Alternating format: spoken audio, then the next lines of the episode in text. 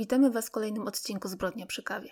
Ten odcinek powstał tak naprawdę dzięki jednej z naszych słuchaczek, która podsunęła mi ten temat. I gdy zaczęłam go sobie zgłębiać, zaczęłam sobie więcej o nim czytać, zaczęłam oglądać materiały filmowe, które również powstały a propos tej sprawy, to zaczęłam naprawdę, naprawdę coraz bardziej w nią wchodzić, bo jest y, niesamowicie intrygująca. Jest taka też niespodziewana. Była to jedna z najgłośniejszych spraw w latach 70., wtedy, kiedy jeszcze działała milicja, a nie policja. I działo się to w małej miejscowości Rzepin. Tam e, wydarzyła się prawdziwa tragedia, a co najciekawsze to to, że w tej tragedii brała udział cała rodzina. Wszystko zaczęło się wieczorem w zaduszki 2 listopada 1969 roku. Wtedy tego dnia bardzo mocno wiało.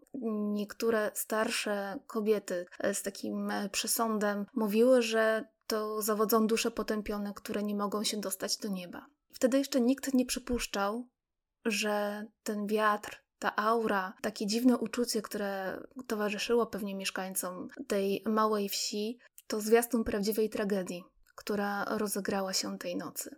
Była dokładnie godzina druga nad ranem, kiedy jedna z mieszkanek tej wsi, e, o której mówiłam, czyli mieszkanek Rzepina, to była też e, daleka kuzynka rodziny Lipów, zauważyła pożar w obrębie właśnie domu jej krewnych. Oczywiście natychmiast zaalarmowała całą wieś, zaczęła krzyczeć, wzywać pomocy. Od razu też e, mieszkańcy ci, którzy się zbudzili, pobiegli e, z pomocą, żeby ugasić ten pożar, no i oczywiście, żeby pomóc mieszkańcom e, tego gospodarstwa uwolnić się z domu, pomóc im wyjść, bo mieli wciąż jeszcze nadzieję, że, że mieszkańcy żyją, że nie jest to tak bardzo poważny pożar, że zaraz się uda tą sytuację ogarnąć. Jednak, jak później się okaże, ten pożar był gaszony przez strażaków przez całą noc. Tam się paliło aż do rana.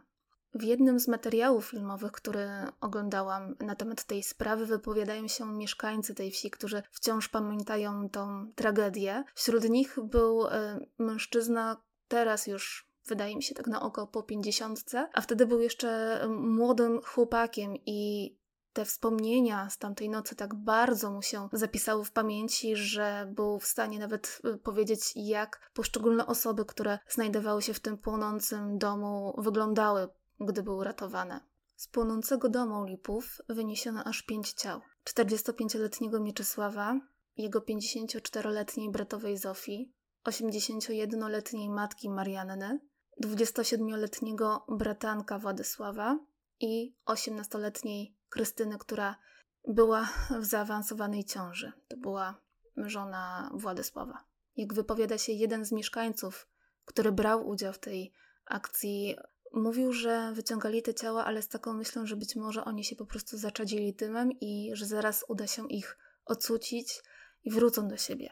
Jednak gdy mieszkańcy zaczęli przyglądać się wydobytym ciałom, zauważyli, że nie ma takiej możliwości, żeby ci wrócili do życia, dlatego że każde ciało praktycznie nosiło liczne ślady różnych obrażeń. Były obrażenia od noża, rany tłuczone, rany rąbane, były zmiażdżone twarze, no widok był naprawdę masakryczny.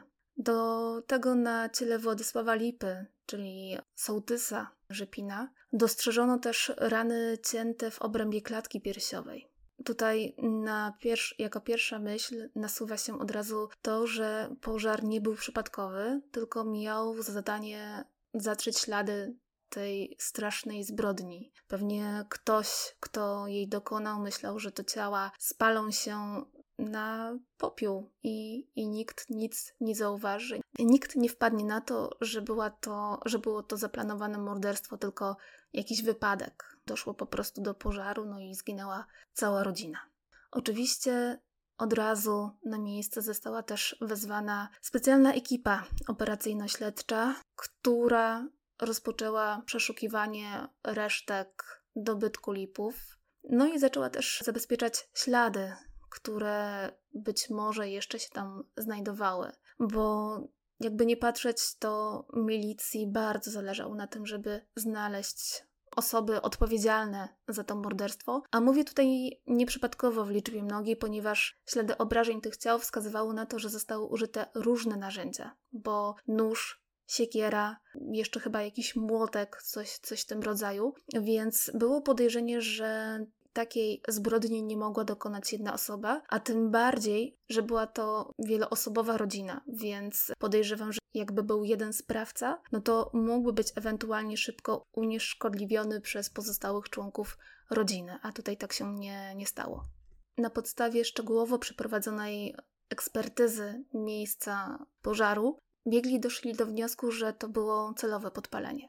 No i właśnie tutaj do, do tego podpalenia doszło w ten sposób, że sprawcy włożyli do domu snopki słomy, a następnie je podpalili. No, chodziło oczywiście, tak jak wspomniałam, o zatarcie wszelkich śladów.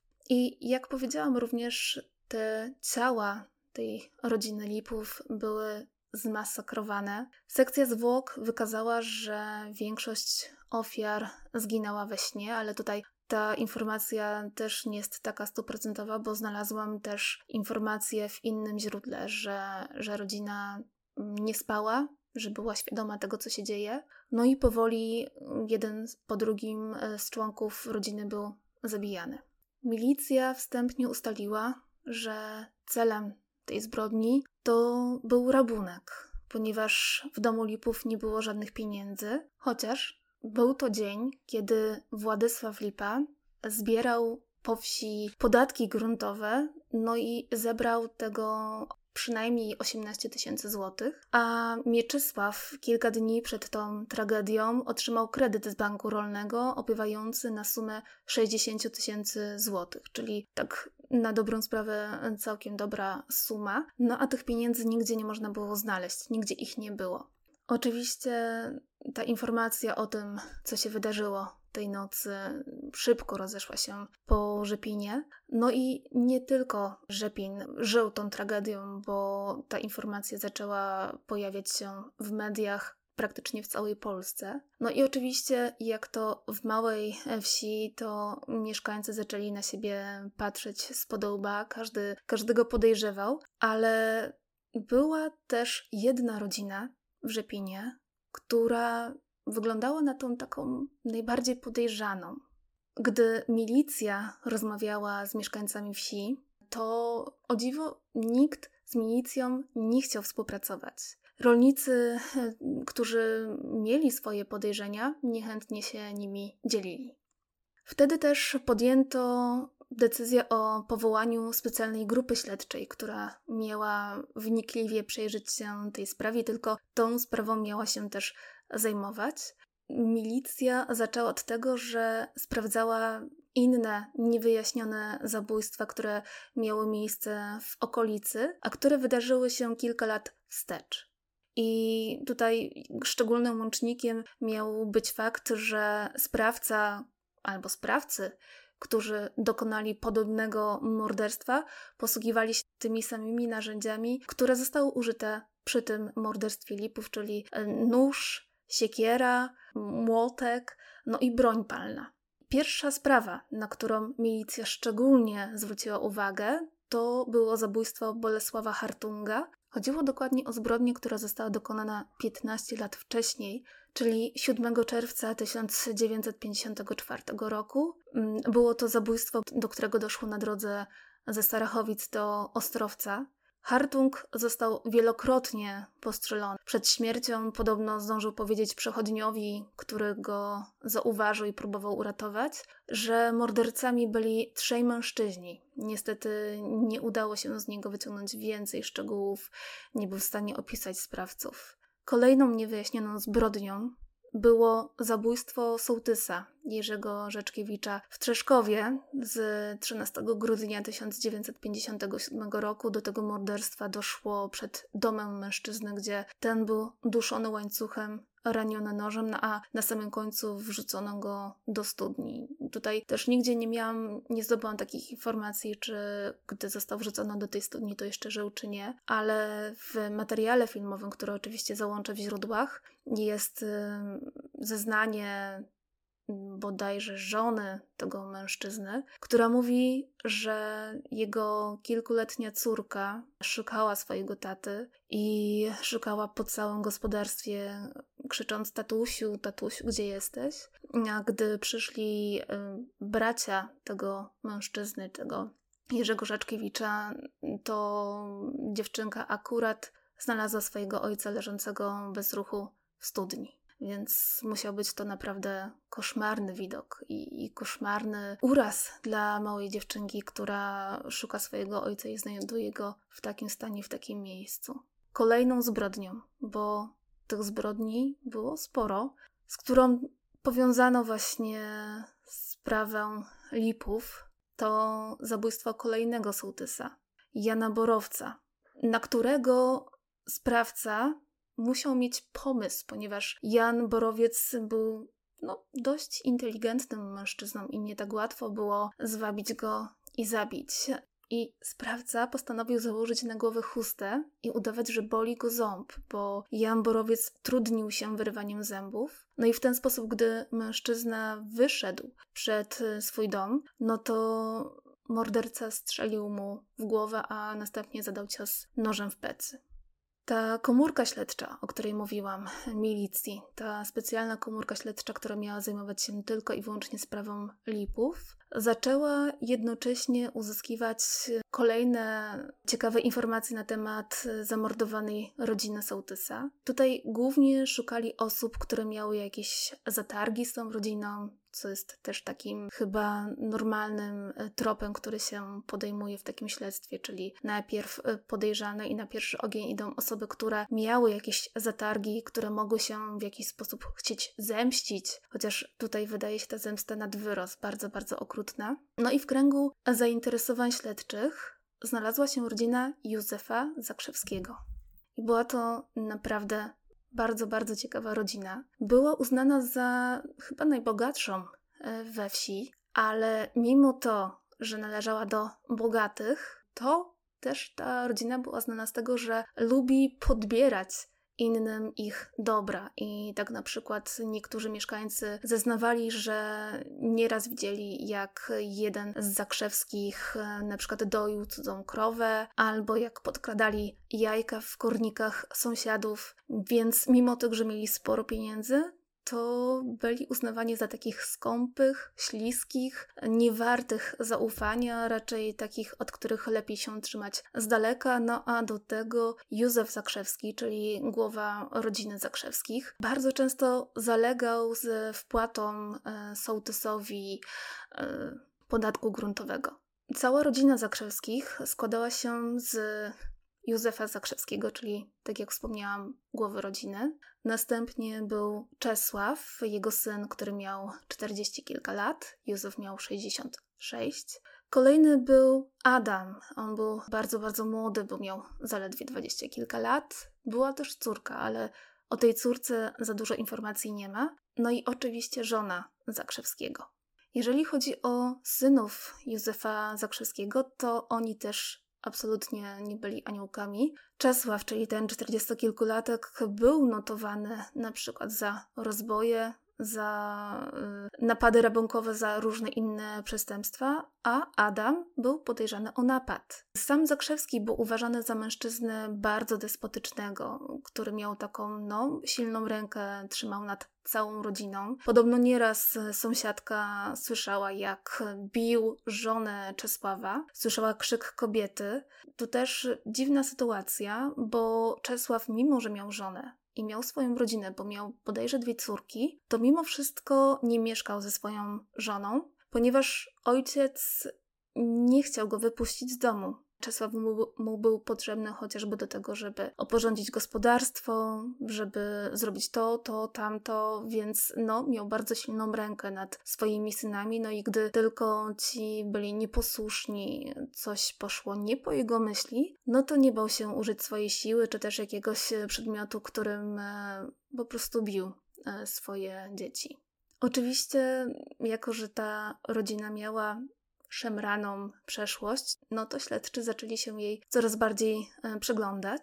I w końcu wydano nakaz przeszukania posiadłości zakrzewskich, ponieważ byli oni też podejrzani o, o kradzież drewna z lasu. Na terenie zakrzewskich znaleziono właśnie to kradzione drewno z lasu. Było to bardzo sprytnie zrobione, ponieważ drewno zostało pocięte na małe kawałki i schowane gdzieś za domem, tak żeby nie rzucało się oczywiście w oczy, żeby, żeby nie było podejrzenia, że to właśnie to drewno z lasu. No i pod tym zarzutem kradzieży to Czesław, czyli najstarszy syn Józefa Zakrzewskiego, został od razu aresztowany przez milicję. I oczywiście milicja miała już tutaj taki swój plan, że jak tylko Czesław trafi do więzienia, no to zaczną go wypytywać, ale będą go wypytywać nie tylko o to drewno z lasu, ale też oczywiście o całą sytuację z rodziną Lipów, o to, co się wtedy wydarzyło, bo też jeden ze świadków e, tamtego wieczoru widział e, akurat niedaleko domu Lipów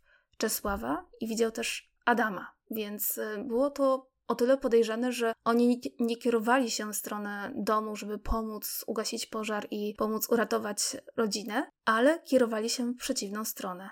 I to zwróciło już na nich sporą uwagę na pewno nie tylko mieszkańców Żypina, ale też oczywiście i przede wszystkim śledczych. Na początku też Czesław, przebywając w areszcie, oczywiście zaprzeczał, żeby miał jakikolwiek związek z tragedią, która wydarzyła się w nocy w domu Lipów. On bardzo, bardzo długo milczał podczas tych przesłuchań e, z milicjantami, ale tej nocy żona Czesława zeznała, że męża nie było w domu. Więc no, te podejrzenia były coraz, coraz mocniejsze. Może nie było tak silnych dowodów, jakby się chciało, takich materialnych, typu jakiś ślad po Czesławie w, na gospodarstwie Lipów, ale zeznania świadków, jednego, drugiego, kolejnego, no i samej żony Czesława, to już rzuca spory, spory cień na jego osobę. On przez aż trzy miesiące konsekwentnie milczał podczas tych przesłuchań. W pewnym momencie, być może lekko zrezygnowany, zaczął symulować chorobę psychiczną. Płakał, krzyczał, udawał, że ma problemy z mową, ale też w pewnym momencie, zamiast iść do celi po takim przesłuchaniu, to czołgał się po ziemi, a następnie chwycił milicjanta, no i nie chciał go puścić, nie chciał wracać do celi. I mimo, że milicja podejrzewała, że to są po prostu symulacje, że Czesław robi wszystko, żeby uniknąć więzienia, żeby uniknąć od siebie jakiekolwiek podejrzenia, że on jako chory psychicznie nie byłby w stanie doprowadzić do takiej zbrodni, no to Czesław został wysłany na badania psychiatryczne, które potwierdziły, że jest jak najbardziej osobą w pełni poczytalną.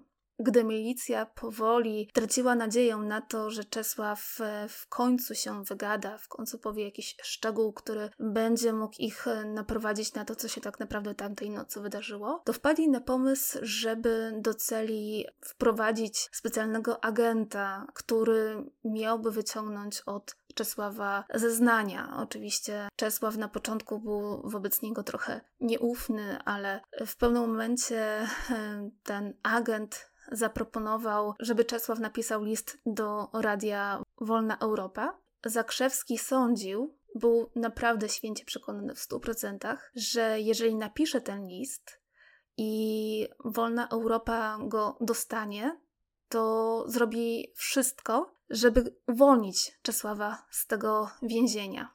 On też, gdy jechał na wizję z milicją, to był przekonany, że przyleci po niego helikopter i go odbiją. On był naprawdę stuprocentowo pewny. A też podczas tych badań psychiatrycznych, co też oczywiście milicja wykorzystała, wyszło, że Czesław Zakrzewski miał niski iloraz inteligencji, więc tutaj też łatwo go było wmanewrować i, i przekonać do tego, żeby napisał ten list do Wolnej Europy, gdzie oczywiście, jak możecie się domyślić, napisał wszystko, dokładnie to, co się wydarzyło z rodziną Lipów, ale też a propos tych wcześniejszych ofiar. Opisał dokładnie, co się wydarzyło w poszczególnych zbrodniach, jak one wyglądały, no i kto w nich uczestniczył. A uczestniczyć mieli ojciec, i młodszy brat Czesława, czyli Adam.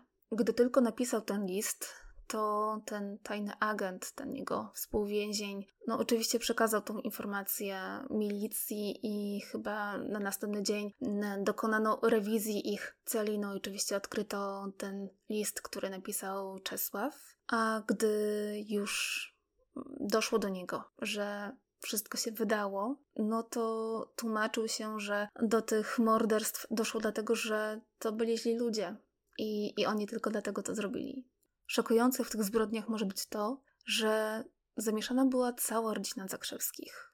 Nie tylko ojciec i dwaj bracia, ale również córka i matka, ponieważ e, gdy tylko Zakrzewskim ktoś podpadł, ktoś się z nimi nie zgadzał, mieli jakieś e, problemy, czy finansowe, czy, czy inne, no to Zakrzewscy mieli taki swój rytuał, do którego dochodziło podczas uroczystej kolacji. Wtedy matka stawiała na stole obraz Matki Boskiej, mówili wszyscy Bogu Rodzica. Po uroczystej kolacji, gdy rodzina już zjadła, wszyscy klękali przed stołem, na którym stał krzyż i lichtarz i odmawiali modlitwę do Najświętszej Panienki, a następnie matka brała gromnicę i przechylając ją mówiła na zgubę, tutaj nazwisko ofiary, niech skapie.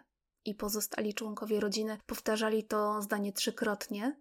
Na koniec matka dodawała jeszcze niech zginie marnie, co również powtarzano. No i w ten sposób wydawano wyrok, który ojciec i dwóch jego synów miało spełnić przez e, rok czasu. Taki, e, taki termin sobie dawali.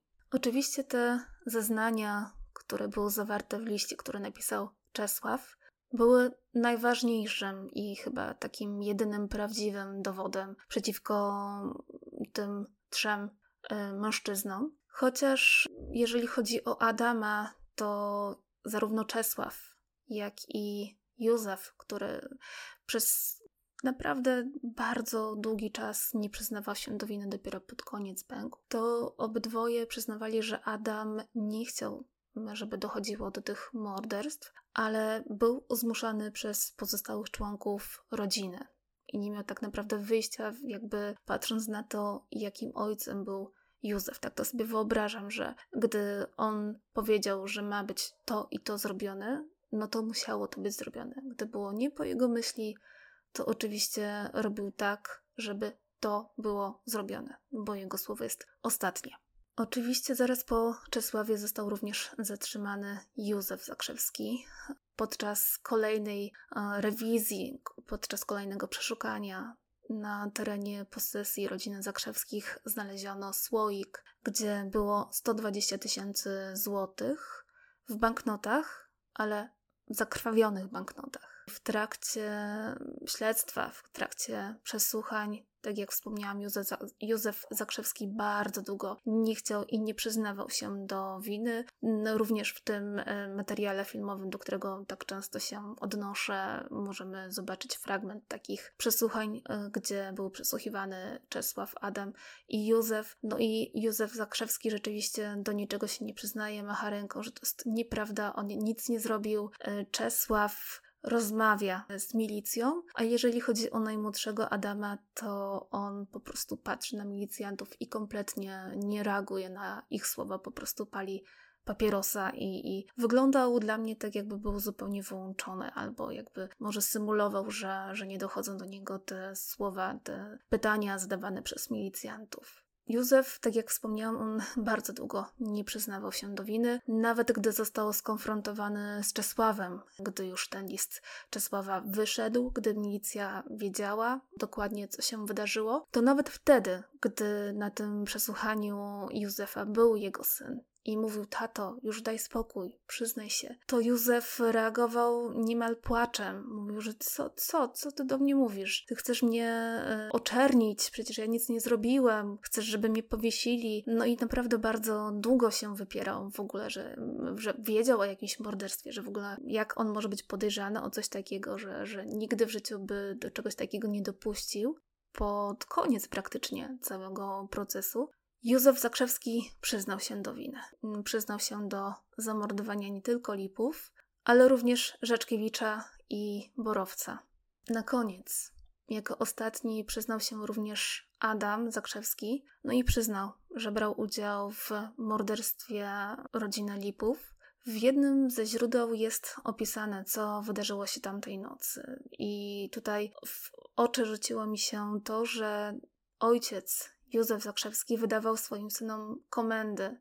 Ty zrób to, ty uderz tamtą w głowę, ty użyj noża i zadźgaj tamtego coś, coś potwornego. Ojciec do swoich synów wydaje rozkazy, jak kogo mają zabić, w jakiej kolejności. Jest to dla mnie coś kompletnie niepojętego, jak bardzo apodyktyczny, ale też bezwzględny, bez jakichś takich drugich myśli, że przecież to są jego synowie, że, że robią coś, coś, coś potwornego i to na całej rodzinie. Tam też była ta 18-letnia Krystyna, która była w zaawansowanej ciąży. Jest to dla mnie absolutnie nie do ogarnięcia. No i fakt, że te zbrodnie to dochodziło do nich dlatego, że ktoś im po prostu podpadł. I z, takiej, z takiego powodu decydowali się na odebranie komuś życia. I to działo się przez w sumie długi okres czasu, bo kilka osób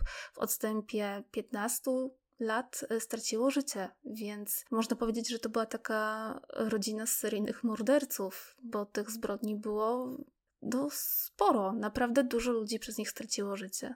No z tego, co opowiadasz, to to brzmi troszeczkę jakby oni byli w sekcie podobny mechanizm na takiej zasadzie, że jest y, ktoś taki silny przywódca. No w tym momencie on całe życie kształtował tych chłopców, żeby słuchali. Dochodzi do jakiegoś takiego rytuału, gdzie przywołuje się jakąś takie siłę wyższą, która niejako obliguje do tego, żeby wypełnić tą przysięgę. No i tak jak tutaj wspomniałeś w tych zeznaniach, ten syn mówił, że to byli źli ludzie że oni sobie na to zasłużyli. Czyli to nie było tylko tak, że oj, podpadłeś mi, tylko to było, że podejrzewam tak tłumaczone, że oni zrobili coś złego, że to są bardzo źli ludzie, że oni chcą nas skrzywdzić, działają na naszą niekorzyść i takie troszeczkę pranie mózgu z tego, co mówisz. I to jest y, no przerażające, tak jak wspomniałaś, ale też fascynujące, jak y, tak myślę, że do końca niecelowo ci rodzice po prostu tym dzieciom sprezentowali właśnie takie typowe kształtowanie do bycia praktycznie w kulcie tej rodziny, że byli zdolni do czynienia takich czynów, czuli się zobligowani, żeby je robić, że mimo tego, że nie chcieli, to nie potrafili się przeciwstawić, że teoretycznie to byli dorośli ludzie. Skoro ten Adam nie chciał tego zrobić, to na dobrą sprawę mógł wyjść i mógł odejść, ale nie mógł bo był tak po prostu psychicznie zamknięty w tej klatce tej rodziny, że on sobie nawet nie wyobrażał takiej możliwości. To pokazuje, jak nasz umysł potrafi być naszym więzieniem de facto. Tu myślę, że nie bez Twojego skutku było też to, że ten jeden miał trochę mm, deficyt inteligencji, natomiast możliwe, że pozostali również, ponieważ nie mieli bodźców do rozwoju, po prostu byli wyręczani we wszystkim, jeśli chodzi o takie myślenie abstrakcyjne, branie na siebie odpowiedzialności. Byli, tak brzydkie określenie, tresowani troszeczkę, zrób to, zrób tamto i nauczyli się wykonywać komendy po prostu. I to jest przerażające, że to się dzieje tak jakby za ścianą, w sąsiedztwie, tuż za miedzą. Naprawdę jestem zafascynowana tą sprawą, bo nie kojarzyłam, bo przyznam szczerze jej. Właśnie powiem szczerze, że ja też o tej zbrodni kompletnie nie słyszałam, ona właśnie w tamtych czasach była naprawdę bardzo, bardzo głośna, dużo się o niej mówiło, no i nic dziwnego, bo to jest jedna z tych spraw, która mrozi krew w żyłach i, i zostaje w głowie na dłużej. Też e, gdy się, gdyby się przyjrzeć e, rodzinie Zakrzewskich, poszczególnym im członkom, to na przykład jeżeli chodzi o Czesława, to była taka historia z jego przeszłości, że gdy złapał e, na terenie swojego gospodarstwa chłopaka kilkunastoletniego, który kradł mu jabłka, to Czesław na całą noc wrzucił go do chlewu ze świniami. Nie chciał go wypuścić, no i podobno ten chłopiec, gdy już został uwolniony, to po prostu się jąkał. To było dla niego tak e, straszne przeżycie, tak stresujące, że, że no, wpłynęło bardzo, bardzo na niego. Jeżeli chodzi o Adama, to on też brał udział w napadach na, na, na ludzi, więc też nie był takim, takim aniołkiem, mimo tego młodego wieku, to już był zdeprawowany przez swoją rodzinę. No a Józef, tak jak powiedziałam, no, sunął z mocnej ręki, z tego, że nie można mu się przeciwstawić, z tego, że nieraz podniósł rękę również na żonę Czesława. Podejrzewam, że również mógł podnosić tą rękę na swoją żonę, ale tutaj nie jestem, tutaj oczywiście gdybam, że, że, że, że może tak było, ale to też nie jest oczywiście potwierdzone, chociaż z drugiej strony, skoro jego żona jakby była głową tego rytuału, który odprawiali zanim ktoś stracił życie, no to być może ona też jakoś miała taki dar przekonywania. Tutaj y, nie wiem, czy dochodziło z, z jej strony też do, do rękoczynów na dzieciach, czy nie, ale pewnie też miała silny charakter, też ciężko było jej się przeciwstawić. No i te rytuały, przecież w końcu cała rodzina brała w nich udział, więc dla nich też pewnie można powiedzieć, że trochę mieli spaczone poczucie, co jest dobre, a co złe. Tak mi się wydaje, że, że, że mogli mieć z tym problem. No i gdy ich autorytet, czyli ojciec, no i matka, jakby mówili że trzeba ich zabić, bo to są źli ludzie i trzeba coś z tym zrobić i oni nam podpadli, no to ci po prostu w to szli, więc tutaj też odnosząc się do tego, co mówiłeś o Adamie, on po prostu miał chyba tak wyprany ten mózg, e, że, że yy, nie chciał iść, no ale poszedł, tak, bo, bo mu kazali, bo, bo bał się konsekwencji, nie wiem, nie, nie, nie wyobrażał sobie, że może po prostu uciec, nie, nie brał takiej opcji w ogóle pod uwagę, dla niego to w ogóle nie istniało, on był wpatrzony w starszego brata również pewnie, który też był dla niego autorytetem ten tak podejrzewam.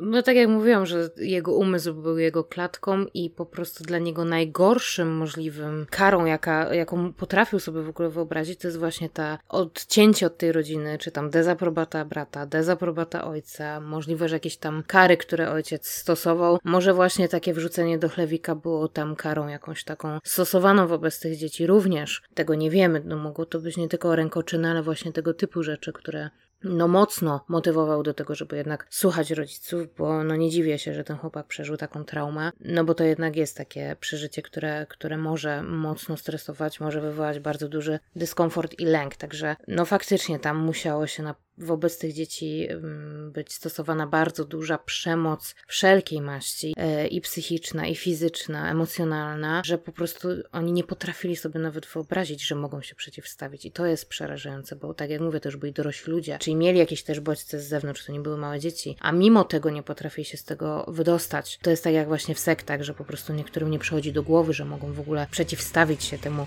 liderowi. Dlatego tak wspomniałam, że ta rodzina trochę tak jak taka sekta się zachowywała, zwłaszcza z tymi obrządkami, tak jak mówiłaś, takie jakieś siła wyższa, która do czegoś jeszcze tam obliguje. Straszne i, i straszne takie przedstawianie świata, że tak on wygląda, że takie są zasady, które, którymi musimy się kierować. To podejrzewam, że od najmłodszych lat te dzieci to miały wkładane w głowę. No dlatego jest to no, z punktu widzenia jakby takiej sprawy, no, jest to trochę fascynujące, ale z punktu widzenia takiego ludzkiego to po prostu jestem przerażona, że takie rzeczy mogą się dziać. Że to nie tylko jacyś właśnie ludzie, którzy chcą sobie stworzyć kult, ale nawet w rodzinach. Dokładnie tak. Ja też, e, no mówię, tak jak w sumie na początku zaczęłam, że im bardziej zagłębiałam się w tą sprawę, tym bardziej e, w nią wciągałam i naprawdę nie wierzyłam, że to się wydarzyło naprawdę i to jeszcze u nas w Polsce, czyli no, na dobrą sprawę nie gdzieś daleko w Stanach Zjednoczonych, które nam się trochę tak kojarzą, seryjni mordercy i takie same naj, najstraszniejsze sprawy, ale tutaj u nas na naszym polskim podwórku, więc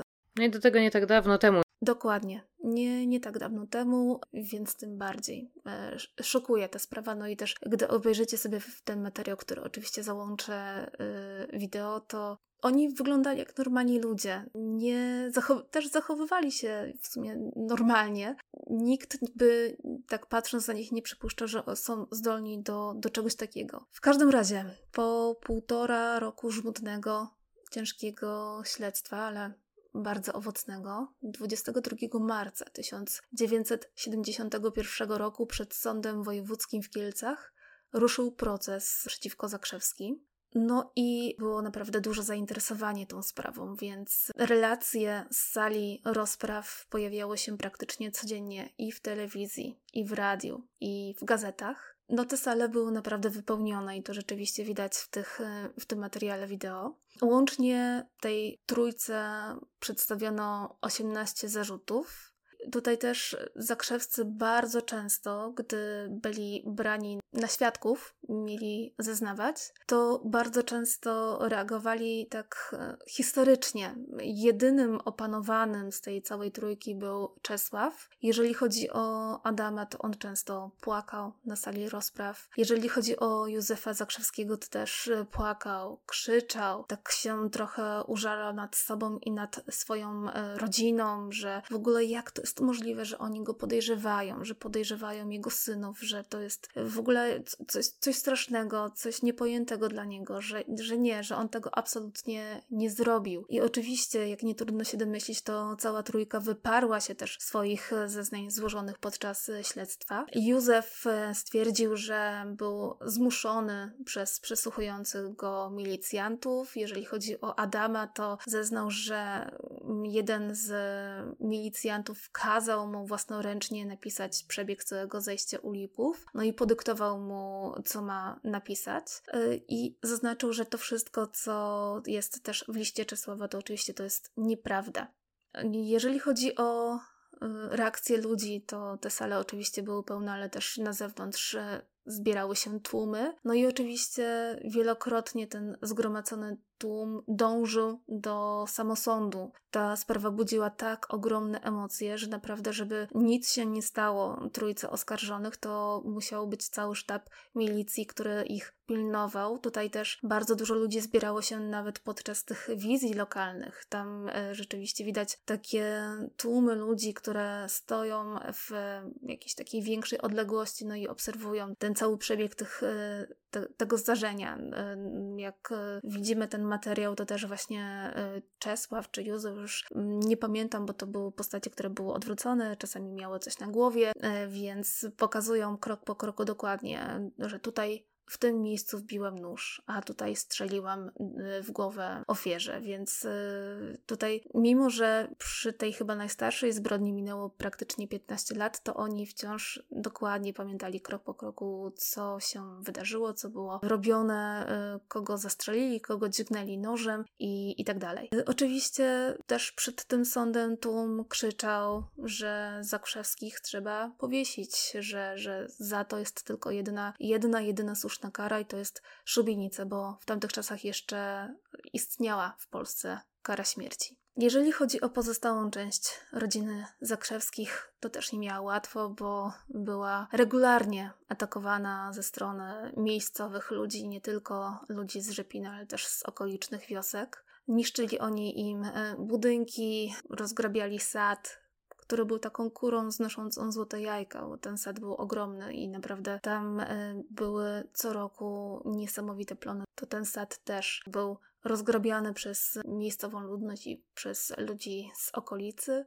O, oczywiście, no tutaj też się nie dziwię z obawy przed zemstą tych ludzi, to żona Józefa, żona Czesława i córka Józefa zaczęły się ukrywać, uciekły z tego gospodarstwa, no i to gospodarstwo z roku na rok marniało, kompletnie podupadło, zostało też przez miejscowych po prostu zniszczone. W piątym dniu procesu Józef Zakrzewski w końcu zdecydował się już oficjalnie przyznać do popełnienia zbrodni na rodzinie Lipów, ale podkreślał uparcie, że do tej zbrodni doszło jest odpowiedzialny za nią on i Czesław, ale Adam z tymi zbrodniami nie miał nic wspólnego. I to podkreślał praktycznie w każdym zeznaniu, podczas każdej rozprawy. Jeżeli chodzi o Czesława, to on również bronił swojego młodszego brata i zeznawał, że owszem, on zabijał razem z ojcem, ale Adam nie miał tym, z tym nic wspólnego.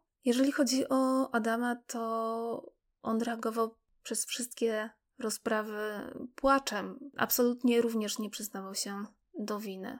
Tutaj też ciekawe było, że Józef bronił tylko młodszego syna, a jeżeli chodzi o Czesława, to przyznał, że Czesław brał razem z nim udział w tych morderstwach. I jest to o tyle ciekawe, że też podobno podczas zeznań czy nie wiem, rozmowy z milicjantami, ewidentnie było widać, że Adam jest jego ukochanym synem i bronił go z, ze wszystkich sił. A o Czesławie wypowiadał się, że Czesław był bardzo nieposłusznym dzieckiem. I, i tutaj no, Czesław ewidentnie musiał czymś podpaść w przeszłości, że, że Józef był tak na niego cięty i jakoś tak e, nie wiem, czy mniej go kochał, mniej się o niego troszczył. W każdym razie wciągnął go również w te morderstwa, a być może też to była jakaś taka swego rodzaju zemsta trochę za ten list, który nieopatrznie Czesław napisał w więzieniu. Właśnie też tak pomyślałam, że możliwe, że w sumie jakby wszystko się zaczęło i mieli na czym się zahaczyć śledczy, dlatego że był ten list. No a ten list został popełniony przez Czesława, więc możliwe, że dlatego ten ojciec miał taki duży żal do Czesława.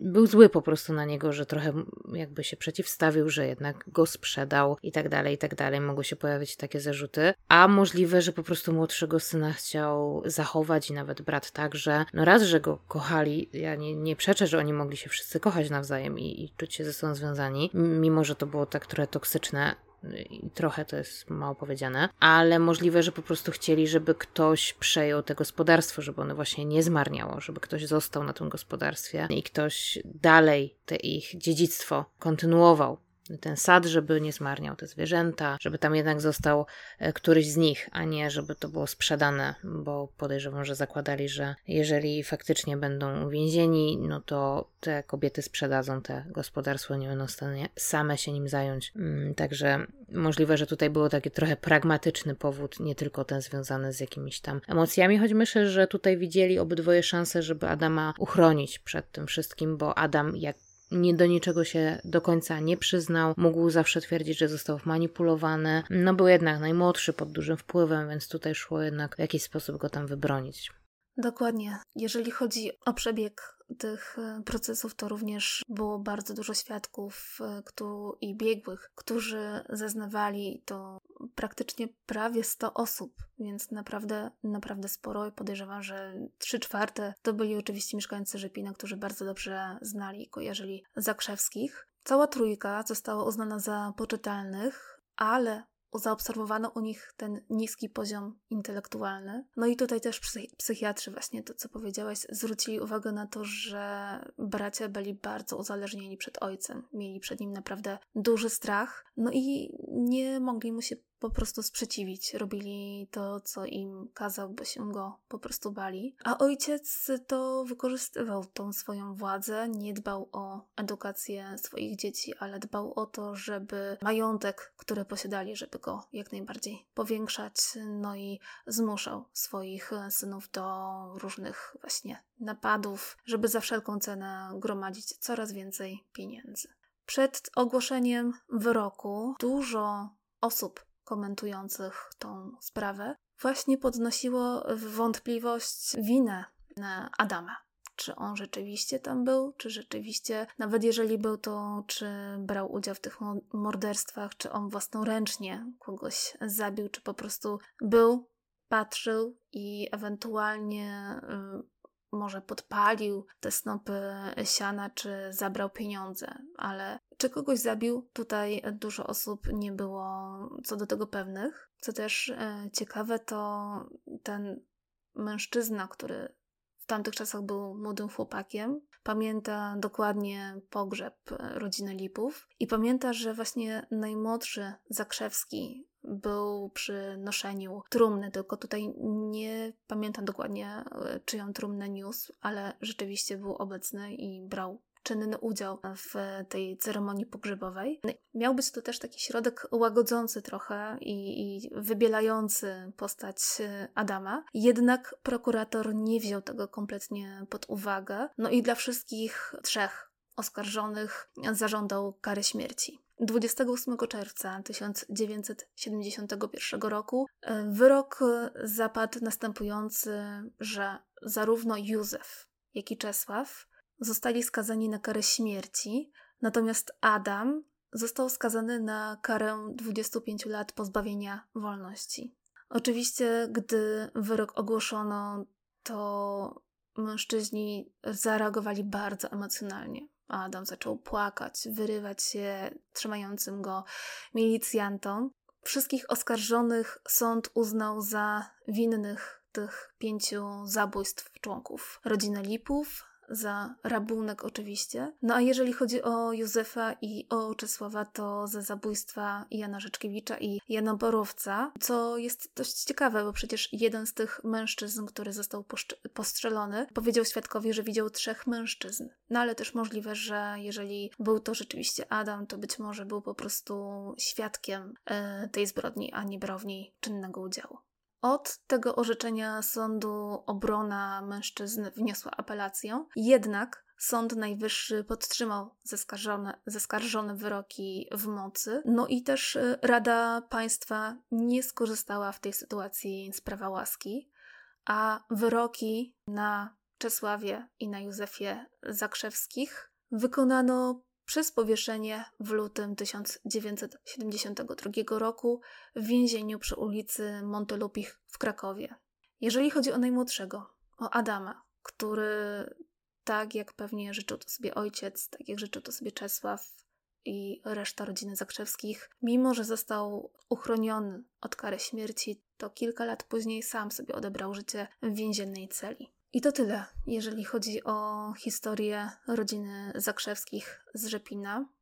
Tak jak powiedziałam, jest to historia, oj, mrożąca krew w żyłach, że w ogóle taka rodzina istniała, bo raczej rzadko kiedy, jeżeli chodzi, dochodzi do seryjnych morderstw, to jest zamieszana cała rodzina w, takie działania. Ja przynajmniej teraz, nawet próbując sobie przypomnieć jakąkolwiek taką e, sprawę, nawet z zagranicy, to absolutnie nie jestem w stanie. Może Ola, ty coś kojarzysz takiego, podobnego do tej sytuacji?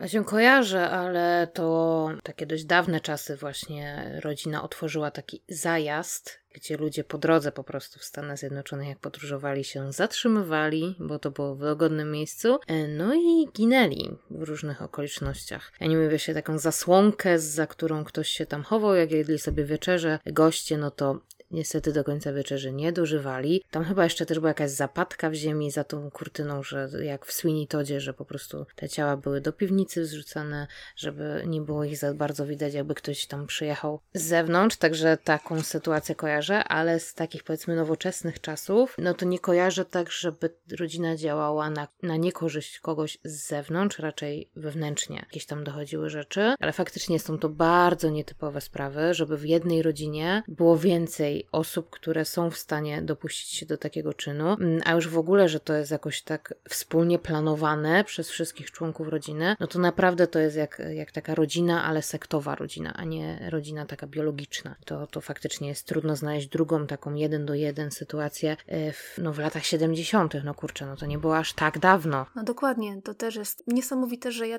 też tej historii kompletnie nawet nie kojarzyłam, mimo że właśnie nie jest jakoś tak bardzo oddalona czasowo. A bardzo się cieszę, że napisała do nas e, nasza słuchaczka i podsunęła mi tę sprawę, bo, bo no jest to bardzo ciekawa sprawa i e, cieszę się, że mogłam o niej opowiedzieć. Jeżeli chodzi o to gospodarstwo e, Zakrzewskich, no to miejscowa ludność postarała się o to, żeby nie pozostał kamień na kamieniu e, i teraz jest to po prostu zarośnięte jakieś takie miejsce, gdzie ciężko powiedzieć, czy tam było rzeczywiście jakieś, gosp- jakieś gospodarstwo, czy jakaś rodzina tam żyła, czy nie. Jeżeli chodzi o matkę, to i, i żona Czesława e, z dwoma córkami to oczywiście uciekły z, stamtąd, chciały się ukryć przed całym światem, no i podobno e, matka Zakrzewska po niedługim czasie po prostu zmarła. Jeżeli chodzi o żonę Czesława, to nie do końca wiadomo, co się z nią stało, bo tak dobrze zniknęła, tak bardzo rozpłynęła się w powietrzu, że, że słuch o niej zaginął. Więc yy, no, bardzo smutna historia. Ja jestem w szoku, co trzeba mieć naprawdę w głowie, być człowiekiem, który wychowuje swoje dzieci, jest za nie odpowiedzialny, za ich e, rozwój, za to, w jakim kierunku będą podążać. No i nakierował ich na taką morderczą drogę, która wiodła donikąd, bo jakby nie patrzeć, to zniszczyło całą rodzinę kompletnie. Wszyscy praktycznie prawie że stracili życie. No, dla mnie też y, szokiem było to, jak bardzo długo oni działali, że to przez tyle lat y, nie padło wcześniej na nich podejrzenie, jak doszło do tych wcześniejszych morderstw. Ale tutaj też y, warto wspomnieć, ja, ja powinnam o tym powiedzieć pewnie wcześniej. Jest to też taka ciekawostka dotycząca, dotycząca rodziny Zakrzewskich, że oni mieli układ z sędzią który im pomagał tuszować te ich zbrodnie. Także tutaj też jest ciekawe, że zakrzewcy naprawdę byli wpływowi, mieli układy, układziki i przez pewien czas byli nietykalni, ale ten czas pewnego dnia po prostu się skończył. Ten sędzia też, który został w końcu namierzony, wykryty, też trafił do, do aresztu. Więc, więc ja tutaj tak to zostawię. Rodzina Zakrzewskich. Myślę, że też warto obejrzeć ten materiał, o którym cały czas wspominałam w dzisiejszym odcinku, bo można zobaczyć też, jak tych nie tak dalekich czasach, ale jak ciekawie się wypowiadali ich słownictwo, albo to, że zamiast i mówią y, na przykład nie li, lipów, tylko lypów. Jest to też taka, taka tamtejsza trochę, e, taki tamtejszy trochę sposób e, mówienia. No ale też zobaczyć sobie możecie te postacie e, oskarżonych zakrzewskich, że oni naprawdę wyglądają na takich normalnych, nieporadnych mężczyzn. No nie są też jakoś super dobrze zbudowani. Nie wiem jaki mieli wzrost, ale nie wyglądają na takich, wiecie, siłaczy, którzy po prostu mogą każdego położyć na łopatki nie mają z tym problemu. Oni wyglądają na takich chudych, dosyć normalnych mężczyzn, a mają naprawdę sporo tej krwi. Mieli naprawdę sporo tej krwi na rękach i bardzo zgubny wpływ na osoby, które im podpadły. To też jest dla mnie dziwny argument do tego, żeby odebrać komuś życie. No i tym akcentem niezbyt optymistycznym kończymy dzisiejszy odcinek. Bardzo Wam dziękujemy za uwagę, jak zawsze, i do usłyszenia za tydzień. Do usłyszenia.